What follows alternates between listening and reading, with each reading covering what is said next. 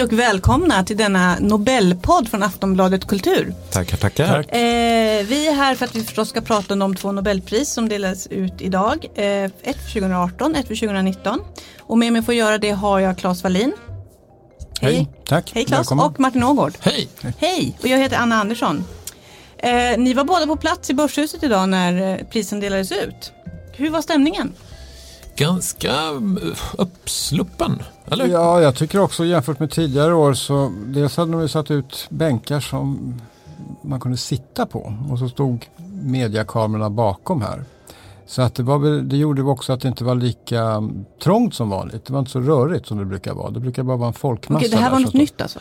Ja, det var liksom ny scenografi. Kan man Ny förnyelse. Men lite mer väl. Jag är ju en nybörjare på detta men det var, väl- jag förstår att det var lite mer välordnat än vad det brukar vara. Lite, Ja, det beror på hur du menar att de ja, men jag haft. tänkte för det var en, en, en eh, presskonferens. Där Ja, nej det brukar inte vara. De brukar bara meddela pristagare och motivering och sen brukar ständige sekreteraren ta frågor där framme vid dörren när de kommer ut. Så det brukar inte vara det här. Eh, Det är väl ett led i öppenheten tror jag. Att de pratar lite mer och är tillgängliga för frågor helt enkelt. För det, och det var även den här eh, adjungerade lilla kommittén som var Akademins på plats också. ungdom- Några utav dem var där, ungdomsförbund, inte allihopa tror jag. Just det. De, De- de, är ju faktiskt lite yngre, både alltså, Ja, de här utom- tre kritikerna, och, förutom Kristoffer Leandor. Och Gun-Britt Sundström som Ja, är eh, äldre än till och med Kristoffer. Ja. Annars är det lite folk på tillväxt helt enkelt kan man tänka sig. ja, det kanske behövs då. Eh, det var också debut för Mats Malm, ny ständig sekreterare som var den som fick komma ut genom dörren först. Hur klarade han sig? Oklanderligt. Oklanderligt. Ja, det såg trevligt ut i tv tyckte jag. Mm. Det är ju ingen jättebetungande uppgift tänker jag mig, just den där biten. En viss nervositet kan man ju tänka sig. infinner Han drog men- inte på många språk som väl eh, Horace Nej. Engdahl brukade göra. Nej, svenska engelska. det var bara det. svenska engelska. Ja, det lite Var inte det. Horace Engdahls lilla uppfinning också? Att prata ryska? Ja, och, precis. Han ville väl dra det på, eh, inte kinesiska? Nej, jag tog det på franska, tyska, engelska och ryska om jag minns rätt. Han ville briljera lite, det är känslan man får. Ja, det är också en service om Ja. det är sådana journalister. Där. Det är ju utlän- må- ganska många utländska journalister. Mycket japaner var det, mycket faktiskt. tyskar och eh, även en eh, iransk tv-station. Det här är en internationell händelse helt enkelt som världens blickar riktas mot Stockholm. Det är inte bara vad man säger, det är Nej. faktiskt sant. Det tror jag nog. Eh, och det var alltså två priser som delades ut. Det var ju ett då för förra skandalåret 2018 eh, och sen eh, årets pris 2019. Eh, vad tyckte ni? En del menar att det var fel att dela ut ett pris för förra året. Vad tyckte ni? Nej, jag tycker det är helt rätt att dela ut ett pris för förra året. För att den, den här akademikrisen har ju inte handlat om den litterära bedömningsförmågan utan det handlar om andra saker. Och det är Nej, jag säkert, håller- med helt och fullt. Önskar jag kunde ta någon mer kontroversiell ståndpunkt här. Men det, Ni kan inte bli osams om svårt. detta. Nej, det går Nej. inte. Därför att det, jag, tycker, jag förstår inte heller varför eh, en pristagare, alltså man får inte glömma heller, det handlar om en, liksom en ansenlig summa pengar som kan hjälpa ett författarskap på traven. Nu är det ju oftast väldigt framgångsrika författarskap som belönas men, men ändå, 7 miljoner kronor är skrivro i eh, många år. Mm. Kan man säga. Så det var synd att beröva en, en författare det priset. Nu ska vi gå in då på de två som, som belönades idag. Det var alltså för 2018 Olga Tokarczuk från Polen och österrikaren Peter Handke. Eh, innan vi fördjupar oss i var och ett av de här två författarskapen, vad tänker ni om de här två valen tillsammans? Alltså det var ju många som, man brukar ju tänka lite kvoter, eller vi gissare brukar tänka kvoter, att man ska ha en från östen, från västen, man, en kvinna, eh, det ska vara någon från Afrika, borde stå på tur och så vidare. Men nu var det två europeer. Eh, ja, det har väl en del reagerat mot men det där är ju också så att man eh, får ju se det över längre tid. Jag tror akademin själva eh, har ju ansträngt sig för att hitta författarskap utanför Europa. Eh, men det handlar ju också om kompetensen, det är svårt. Eh, framförallt extremt udda språk är naturligtvis svåra. De har ju haft tur här, eller tur. Göran Malmqvist med hans kinesiska kunskaper. Per Westberg med hans kunskaper om afrikansk kultur och litteratur. Eh, spanskan brukar inte vara några problem, då har man ju hela Sydamerika och portugisiska då med Brasilien och Portugal. Så att det, är väl, det handlar väl lite grann om praktiska skäl och sånt där. Och i det här sammanhanget den här gången så har de ju talat om då att de här två pristagarna utvaldes ifrån den förlängda korta lista som kom innan sommaren om åtta namn som i sin tur kommer ifrån de 20 namn som fanns på en lite längre lista. Hur många brukar innan. vara på korta listan? Fem. Fem, okej, så det var tre namn extra. Men jag blev ändå lite förvånad att det var så otroligt europeiskt därför att eh, Anders Olsson hade bara någon vecka innan det här priset så var med i en liten video som låg ute i kanalen nobelprize.org eller vad det nu heter på, på, på Youtube och då sa han väldigt uttryckligen att eh, akademin nu strävar efter att vara mindre eurocentriska och eh, dessutom beakta fördelningen pristagare kvinnor och män. Alltså, Eh, och det är ju fortfarande det är ett hundratal män, 101 män, närmare bestämt 15 kvinnor som har fått det här priset. Så jag hade nog kallt räknat med två kvinnor och inte Europa och nu landar vi mitt i Centraleuropa, Österrike, Polen dessutom med i alla fall ett författarskap som, som brottas med den europeiska litteraturens favoritämne nämligen europeisk historia. Underkänner inte dem på, som författare på något sätt men man hade ju med, med, om, om det, ambitionen var att liksom vara något annat än europeisk romankonst så kan man ju säga att det floppade. Mm. Var, det något av, Totalt. nam- var det något av namnen som förvånade er? Nej, egentligen inte. Jag tror att alltså det enda som jag kunde tänka mig om Olga Tokarczuk som är en väldigt, väldigt bra författare att även om hon har skrivit i mm, 25-30 år och har en utgivningslista som är hyggligt lång så kunde man tänka sig att hon skulle få vänta några år eftersom den stora romanen hon har skrivit är ändå den senaste, den här Jakobsböckerna. Eh, så att där kan man tänka Mm, att hon sig skulle liksom prestera någonting mer efter den? Ja, just det. Det enda jag kunde tänka mig. Handke är ingen tvekan. Han har ju skrivit 60-70 böcker. Så, så att, att hans författarskap är ju tämligen säkert så att säga utifrån säga, eh, litterära halten. Tokarczuk är född 62 och Handke 42 så de är alltså 57 respektive 77 år gamla med andra ord. Men Claes, du har ju själv delat ut ett pris till Tokarczuk. Ja, just det. Hon fick ju det här eh, Kulturhuset Stadsteaterns internationella litteraturpris för några år sedan. Precis. Träffar du henne? Ja, jag har träffat henne. Jag pratade med henne till och med på Hur var hon? scen. Jag var väldigt sympatisk och rolig. Eh, och hon reser omkring mycket och hon har ju fått ganska många priser på det här laget. Vad Eh. tänker man då som när man ger henne ett pris? Eller hur gick resonemanget? Vad, vad, vad är det i, i hennes författarskap som är så? Nej, där så är det ju inte, för, där du menar för det priset? Ja. Eller? Ja, nej, men det handlar inte om författarskapet, det handlar om enstaka romaner. Mm. Alltså de som är översatta just då. Och det var väl, nu kommer inte jag ihåg vilka de andra, på den korta listan vilka de andra fyra var faktiskt. Men, men hon var så att säga utan konkurrens, för det var en roman som var så häpnadsväckande. Och eh, eh, ja, det, det, den liksom överträffade det mesta under den, den säsongen som kom ut i svensk översättning. Mm. Men då, då går vi in på Tokarczuk. Jag känner att jag har uttalat hennes namn olika varje gång jag nämnt det. Men Tok- Tokarczuk. Jag, Det är lite mjukare, mjukare ljud på polska, Tokarczuk. Så hade det varit ryskt hade det varit med Tokarczuk. Ja, det hade varit mer konsonantkluster. Ja. Okej, okej. Jag ska försöka åtminstone bara uttala det konsekvent Sen om är, jag nu gör det polackerna är väldigt men- noga med sina sh- sh- ljud. Sådär, de Jag hoppas att inte så många polacker lyssnar på det här. Förlåt om jag rådbråkar ett språk. Annars får ni gärna ringa in och förklara för oss hur man Ja, ska uttala eh, Tokarczuk. Ja, precis. Tokarczuk. Eh, Tokarczuk, är hon en svår författare? Nej, gud nej. Inte alls. Hon skriver väldigt, det är väldigt medryckande. Hon skriver också väldigt, eh, hon skriver i bilder. Eh, och det har hon själv sagt att det är precis det hon gör. Att hon, hon, och det kan man känna när man läser här att det är vä- väldigt visuellt. Det är väldigt tydligt och pregnant. De scener som hon, som hon skriver fram helt enkelt.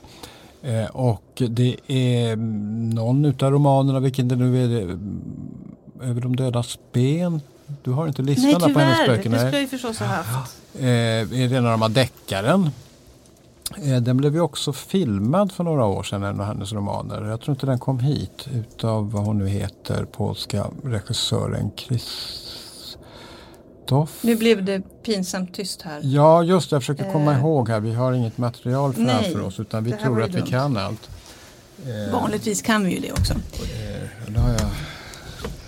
Eh, just det, ja, nej, men hon, hon eh, nu ska vi se här. Det Vi googlar, ska vi inte sticka under stol med. Styr din plog över de dödas ben. Vill jag minnas blev filmen. Eh, och eh, hon är ju väldigt upptagen utav, upptagen med goda skäl, av Polen. Som jag minns att hon nämnde att Polen befinner sig aldrig på samma plats vid två tillfällen. Gränserna har ju flyttats hela tiden. Och själv bor hon nära en av de här gränserna. Så jag tror att det är som så att hon har, trots att hon inte har flyttat, så har hon bott i olika länder under sitt liv. Vilket måste vara en mycket egenartad erfarenhet faktiskt. Så hon är intresserad av kartor, av, av gränser och hur det här ser ut och som hon då också gräver ner i Polens historia. Och Jakobsböckerna blev ju oerhört omdebatterade i Polen för att hon, hon tog ju upp där pogromer som hade förekommit i Polen tidigare. Mm. Ja, det är väl en debatt som liksom har kommit och vänt i Polen flera gånger. Först under kommunisttiden så var väldigt mycket locket på och sen så lyftes det upp och sen så igen så började locket falla tillbaka. Jo, det är andra polska författare som har brottats med det. Jag tror du tänker på eh, pjäsen eh, Vår klass. Ja, exakt. Ja, ja. Mm. Som också, men det är väl liksom den där delen av Europas öde på något vis. Det har ju en gång i tiden varit en av liksom världens mest mångkulturella platser. Oerhört många folkslag, människor och religioner som har samsats och gränser som ständigt har förflyttats i krig, konflikter, eh, olika annekteringar av olika slag. Eh, så att jag tror att, att skriva om det utan att på något vis bli kontroversiell är omöjligt. Mm. Mm. Men historia, alltså vad, vad, kan du säga något om hennes stora teman i författarskapet? Det är historia, eh, polsk Det är historia då. och det är sådant som gränser eh, och, och eh, ut, utan att på något sätt vara no, no, någon författare som så att säga är ett språkrör för sin nation och sin historia utan det är en väldigt kritisk undersökande blick på, på eh, det egna landets eller det som då under olika skeden kallas Polen. Dess historia och vad de har gjort och inte har gjort och sånt där. Mm. Ska vi nämna några portalverk hon har skrivit? Ja, förutom Jakobsböckerna så är det, är det väl just de här, eh, den här studien plog över de dödas ben som är, är väldigt märkvärdig faktiskt. Har du, har du roligt när du läser Finns det någon sentimentalitet?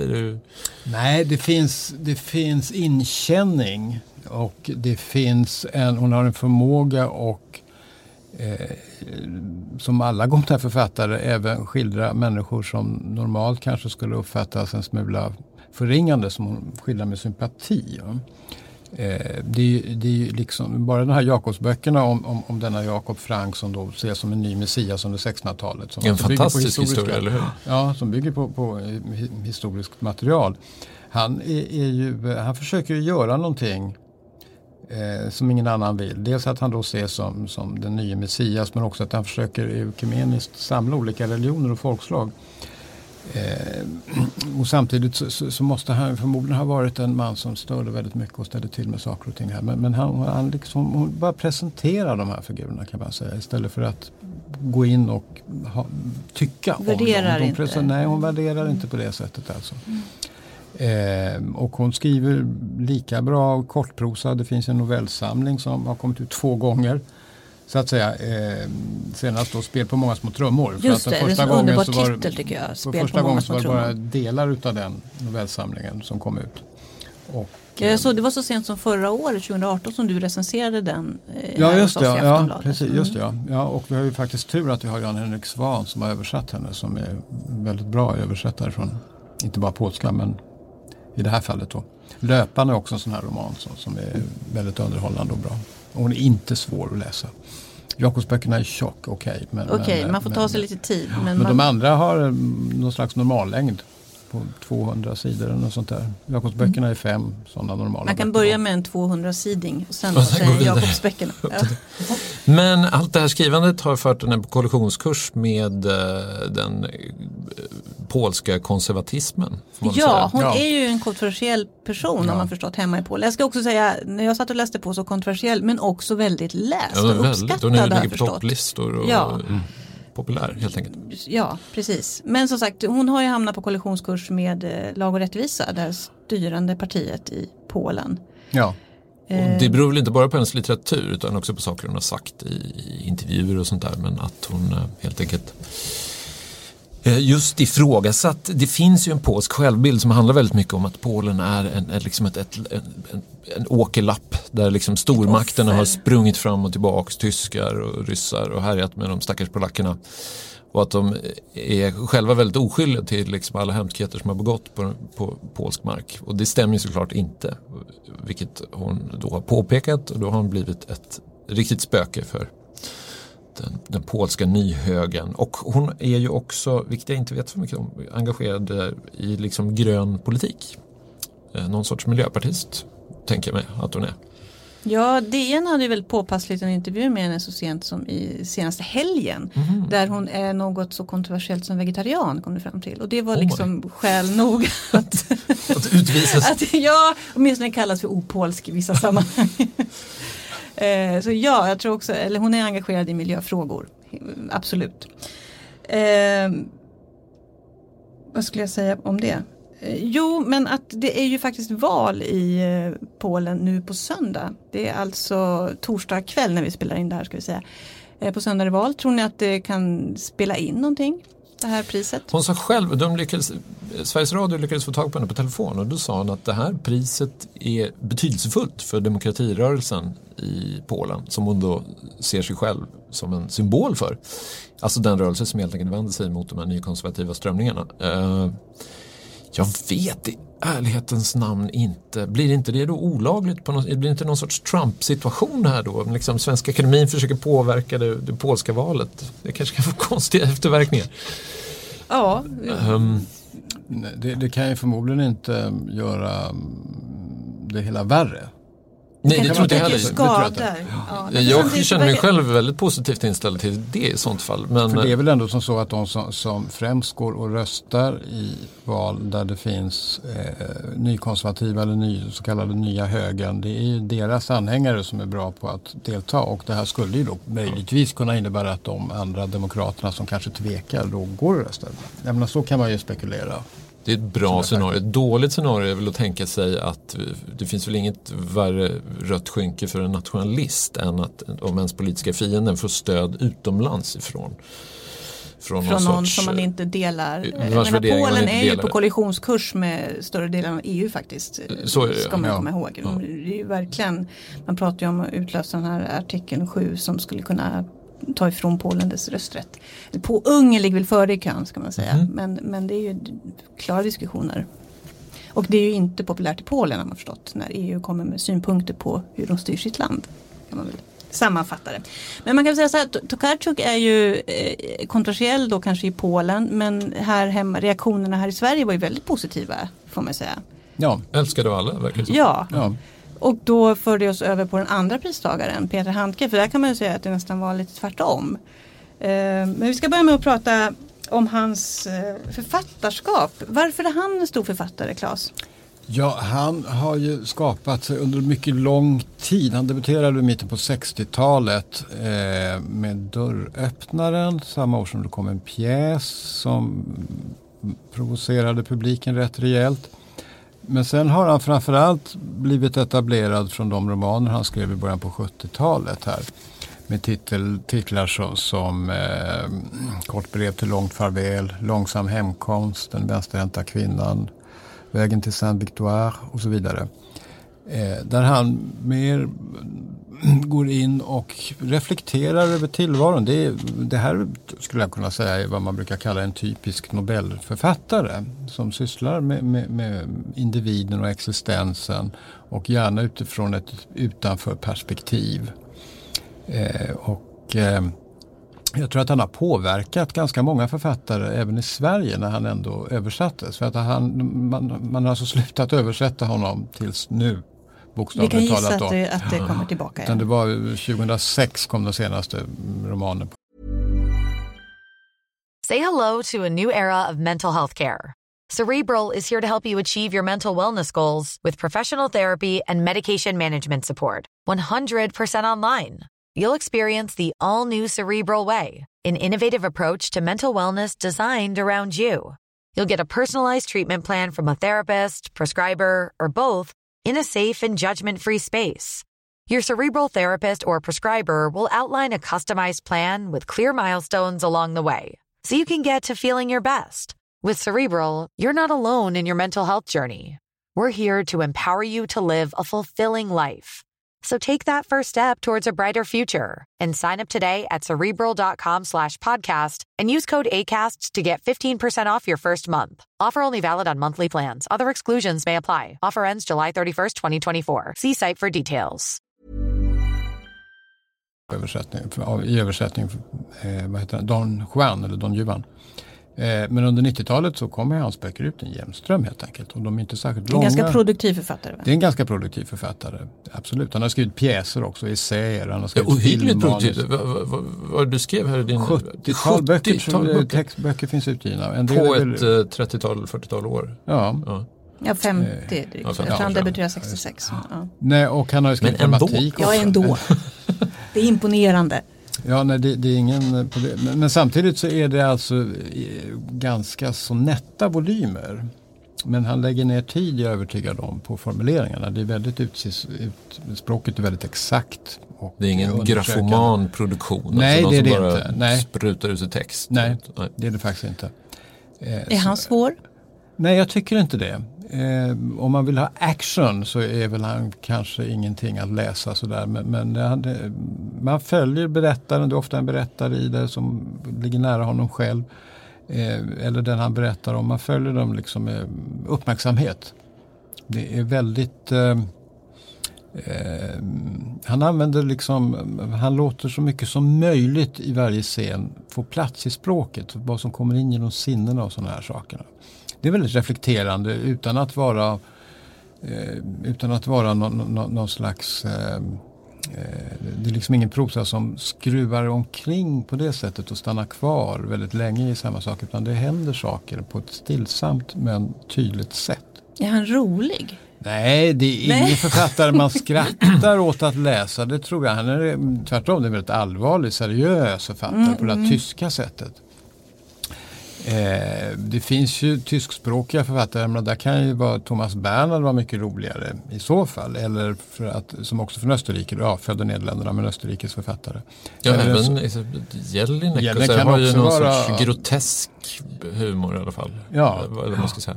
Ja, just det. ja. Nej, nej, på det, Och eller, Bernhard verkligen, han är ju cynisk och rolig. jag tänker också på Botter Strauss som hatar allt och hela tillvaron och samtidigt som kan vara fruktansvärt rolig i, i sin misogyni eller misantropi.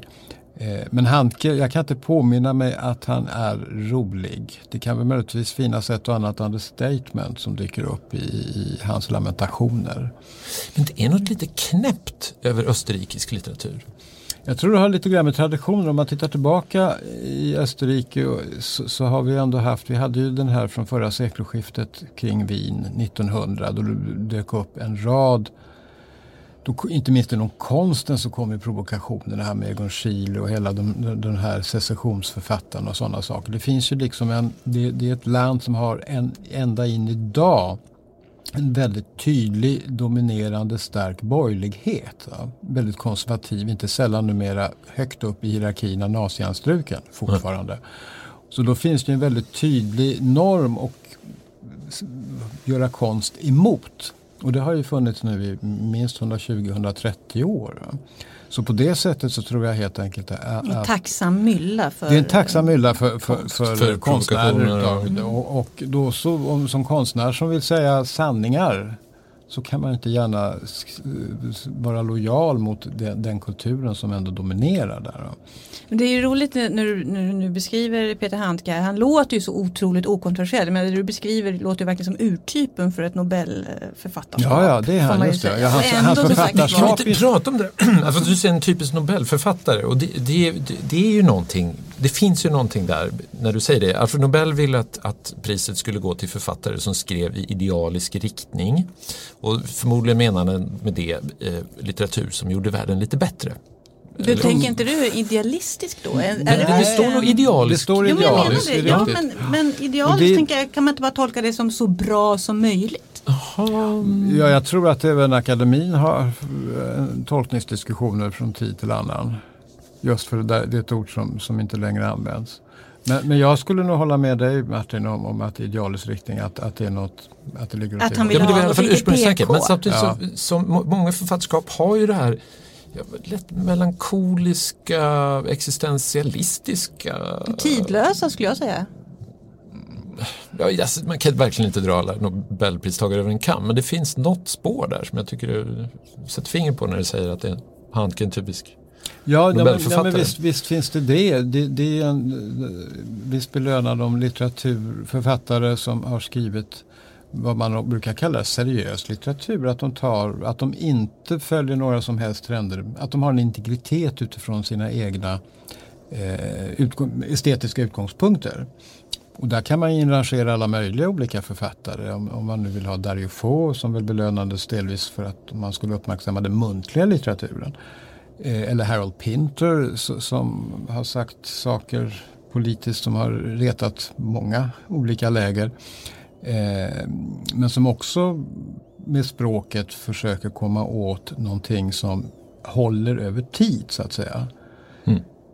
Och, där så, så, och ska man göra det så kan man nog varken vara för rolig man kan nog vara för allvarlig men man kan knappast vara för rolig. Det blir väldigt svårt. Mm, humor, humor är ju väldigt ofta kontext, ja, det är kontextbundet ja. på ett helt annat mm. sätt än, än livets villkor. Mm det är lite tråkigt. Att man måste vara lite tråkig för att få Nobelpriset. Jag förstår. Nej men jag tror inte att, nej, men alltså, lite tidlös, bara för att man inte är rolig så behöver man inte vara tråkig. Nej, man behöver, framförallt behöver man inte vara dålig. Bara för nej, att man inte är rolig. Och, och inte minst när det gäller stilister så, så, så är det ju um, så, så blir ju det roande. Det finns ju mm. många roliga, alltså Isaac Singer är ju lite såhär buskisförfattare. Ja, Nej, han är inte oerhört rolig.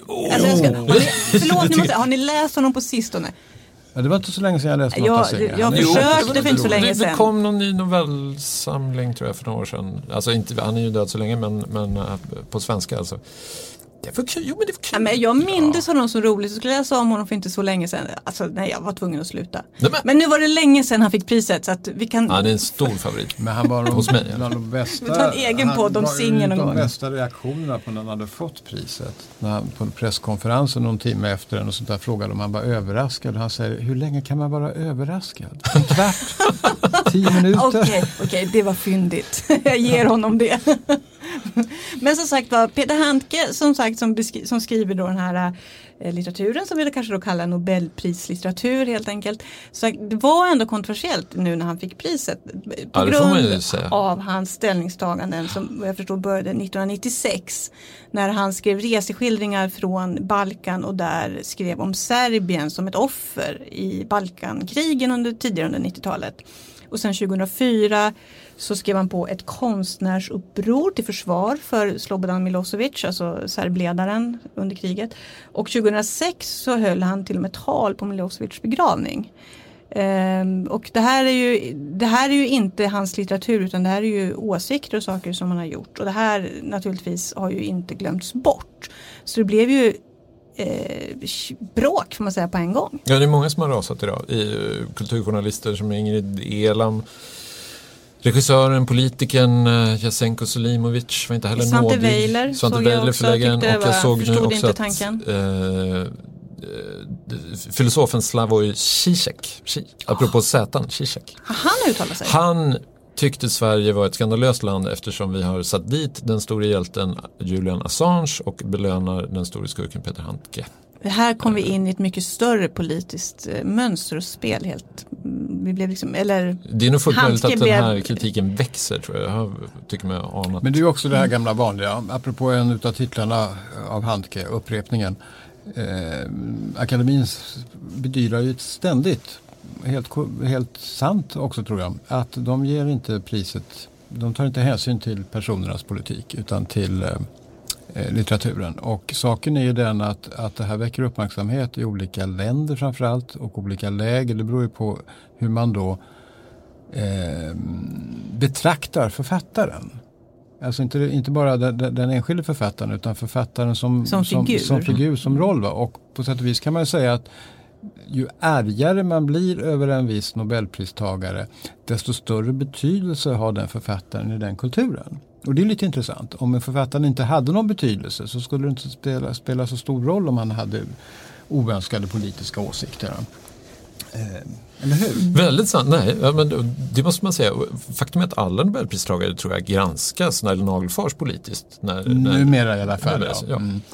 Och det går alltid att hitta någonting. Eller ja, det kanske har blivit mer på sistone. Man kan ju faktiskt jämföra med, nu har ju Peter Handke gått väldigt, väldigt eh, långt. Hamnat i fullkomligt absurda slutsatser Eh, tycker jag.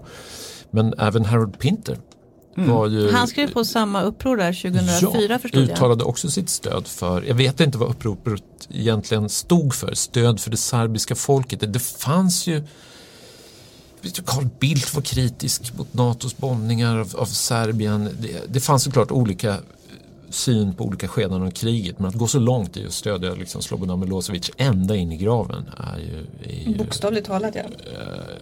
Vansinne. Tycker jag. Mm. Men är, är det verkligen då eh, så självklart att akademin ska bortse från det? Alltså, som sagt, Men vad är, alternativ, men vad är alternativet? Ja, att ge det till någon annan. Nej men jag menar om de, inte, om de ska ta hänsyn till politiken då så, då så hamnar man ju på sånt här sluttande plan. Alltså då kan man inte ge den till Handke på grund av hans serbvänlighet. Och vad är nästa steg? Det blir väldigt svårt att och, eh, sätta någon gräns och dessutom så blir man helt prisgiven åt de politiska åsikter som de ledamöterna i, i akademin har. Det blir jättesvårt att göra. Och Den- kanske jag tänker åsikter som eh, kommer få just nu. ja. Det kan ju svänga över tid också. Ja, det kan gå ja, mycket precis. konjunkturer och nej, åsikter, men det- kanske inte just de här åsikterna. Men jag tycker man får vara väldigt noga med också att det är klart Handke ska stå till svars för de här åsikterna. Jag hoppas han får väldigt mycket frågor om det nu i, i de intervjuer han ska göra framöver. Eh, och kritiseras och hånas och häcklas och allt möjligt. Men att, att det skulle smitta av sig på Svenska Akademin, det är också en konstig tanke tycker jag. Nej, och sen måste det också gå att, det, eh, jag, jag kan inte se, jag kan inte, det är liksom inget problem att läsa en, eller ta del av konst ifrån en konstnär som har de mest egenartade åsikter eller moraliska uppträdanden. Alltså det, det där kan ju vara en generationssak men, men jag menar jag, om man tar ett gammalt historiskt exempel Gesualdos madrigaler från 1500-talet blir ju inte sämre eller färgas av att han förmodligen lät mörda sin hustru. Så att jag menar, Vi, vet vi säkert? nej förmodligen sa jag. Förmodligen, Just ja. men jag kan förmodligen inte så ta lät han ställning, jag mörda har inte läst Nej. nämnda madrigaler. Men, Eh, nej, men man lyssnar på dem. Lyssnar. Eh, men, men vad heter det? det, alltså det där blir ju ett sätt och eh, hur, skulle, hur, hur skulle till exempel, och i Handkes fall så har jag i varje fall inte kunnat se, det var ett tag sedan jag läste honom, hur hans politiska, han har varit provokativ alltid så att säga. Han, han, han tyckte Thomas Mann inte var någonting att ha och sådana saker och grupp Och att 77 där. Nobelpriset sådana- borde läggas Ja, ner. ja visst gör det. Men alltså Den sen, sen ironin länge, sen är länge väldigt så har, Ja, det är jag bara fem det. år sedan alltså. Ja. Så att det är möjligt att, ja, men just i hans fall, han kanske är personen Handke här men när han skriver så är han författaren Det var det jag tänkte säga, de här åsikterna de verkar ju inte märkas i hans författarskap. Nej, nej, nej. Det här är verkligen skillnad på verk och person. Ja, så vitt och jag kan verk, bedöma. liksom. Jag har Ja. inte läst allt av honom. Nej. Men, men, har sagt, en Men författare jag som har skrivit 70 verk. Då, det kanske har det, finns, smugit sig in det någonting finns en viss någonstans. provokation i en del pjäser. Den här tidiga pjäsen som publikförolämpning. Där, där skådespelarna helt enkelt skällde ut publiken för att man hade kommit dit. Och, eh, och det var Ja, nej, men alltså, hela det måste man också komma ihåg med den, tyskspråk, den, den tyskspråkiga kultur. Eh, den tyskspråkiga kulturen är ju väldigt förtjust i provokationer. Så är det ju. Främst den österrikiska då? Kan vi Kanske främst den kanske. österrikiska men, men, men i te- i teatern så är den ju känd, den tyska teatern för att ställa till det på scenen och uppröra och sånt där. Och, och eh, om man tar ytterligare ett litet avlägset exempel så, så finns det när det gäller musikteater eller opera så finns det en gammal sanning som förmodligen är sann. Att eh, fransmännen tittar och tyskarna lyssnar. Så när de tyskarna går på opera så, så, så, så, kan det se ut hur förskräckligt som helst på scenen, bara de sjunger bra. Och hos fransmännen så är det tvärtom. Om de inte sjunger så bra gör det ingenting om det är vackert att titta på. Jag har i varje fall frågat en fransk dirigent om detta och han sa att det är nog sant. Ehm, Så att det, det finns en sån här kultur om att provokationen, om att konstnären ska vara någonting som står utanför. Alltså man skulle kunna säga att det, det, det är en, en, en form av förlängning av romantikens konstnärssyn. Då var ju romanti, romantiken var ju mer lidande och Guds ställföreträdande nästan. Det är ju ett konstnärsideal som har skjutits i sank nästan överallt Ja. annars, utom i Tyskland. Då. Ja, fast den har då gått igenom en, en metamorfos naturligtvis eftersom som, eh, Men tror du är har liksom sökt utanför. de här kontroverserna för att hamna lite Nej men kanske kan det vara utanför Nej det tror offentligheten? jag inte men, men eh, det, det vågar jag inte svara på. Men man kan ju tänka sig andra sidan att om man nu vill bli en konstnär i det tyskspråkiga området så, så måste man säga emot. Åtminstone. Annars blir man väl kanske en deckarförfattare eller en populärförfattare eller något sånt här och, och man, då, då är, är det någonting annat. Kan jag tänka mig, men det är en spekulation. Som sagt, det, vi får väl se det som att debatten har bara startat. Som sagt det är fortfarande samma dag som vi prisen delar, eller inte delas ut men tillkännagavs. Tror ni med den nya öppenheten och så vidare att akademin kommer säga någonting? Kommer de att delta i en eventuell debatt som uppstår nu? Runt Handkes pris? Tvärtom tror jag. Jag tror de kommer sky den eh, som pesten. Och ducka. Kommer stänga in sig igen? Eh, jag tror, och framförallt tror jag det beror på det gångna året. Jag menar, akademiledamöterna har ju varit otroligt frispråkiga. Det var ju en period det under den här akademikrisen. Ja, det var, vi behövde inte ens ringa. De ringde ju oss under en period. Oss journalister. Sen dess har det ju blivit locket på. Har, känns det som. Och eh, tystnaden från akademin är ganska påtaglig. Så jag tror att nej, jag tror inte de kommer att ge sig in i några diskussioner Den här, den här debatten får vi klara själva helt ja. enkelt. Utan inspel från det, det är min gissning. Ja, Vad tror se. du Claes? Nej, de brukar, alltså det enda som brukar hända det är väl att någon där som pysslar eller har pysslat mycket med någon av författarna att de i något annat sammanhang lite senare skriver om denna författare i mer essayistisk eller litteraturvetenskaplig form. Men, eh, och vad det gäller debatt här om de blir direkt tillfrågade så kommer de säkert svara men de svaren har vi redan fått. Att det är sådär, så att jag tror inte att det blir så mycket Ja, när jag såg eh, Anders Olsson hade redan svarat idag att eh, Nobelpriset är ett litteraturpris och ingenting annat. Jag tror han fick den första. frågan i Börssalen. Alltså var det, första? det var ah, okay. nästan den första frågan ja. han fick i Börssalen ja. tror jag. Mm. Eh, och det måste de tydligen påminna om varje när, gång. När Handkens namn lästes upp kom det några så omedelbara reaktioner? Gick nej, det ett alltså sus inom församlingen? Nej, det där, det där skiljer sig från de år jag har varit där. Det är inte så många år jag har varit och lyssnat på det där. Men det var alldeles tyst vid båda, både vid tillkännagivandet av Olga Tokarczuk Alla hade fullt upp med att twittra ut namnen.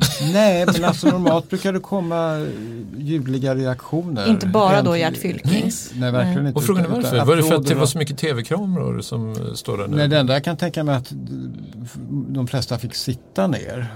Mm. Och då går man inte omkring. Ja, jag vet faktiskt inte. Eller också så fanns det förväntningar som gjorde att de här kom på skam. Att de hoppades att det skulle vara någonting de kunde rapportera hemåt. Jag vet faktiskt inte. Det var väl, det var det är intressant ovanligt. hur det skulle vara för att ni satt ner. man blir inte lika spontan med reaktionerna om man sitter ner som om man står upp. Kanske. Det kan ju också vara så att ingen riktigt törs liksom, applådera akademin vad de än hade sagt. Nej. Så vill ingen vara den som drar igång applåden just i år.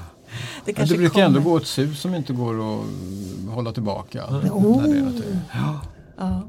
Faktiskt. Ja, vi, vi ska börja avrunda men summa summarum, är ni nöjda med årets pristagare? Ja, jag tycker det var bra pristagare. Martin? Ja, får man säga. Jag vet inte vad jag hade förväntat mig. Jag hade förväntat mig någon riktig överraskning tror jag och det fick jag inte. Men, det fick du inte? Nej. Alltså nej. men jag tycker det är fint att det inte varit någon eftergivenhet att, att uh, akademikrisen skulle, på något sätt skulle ha återspeglats i valet av pristagare.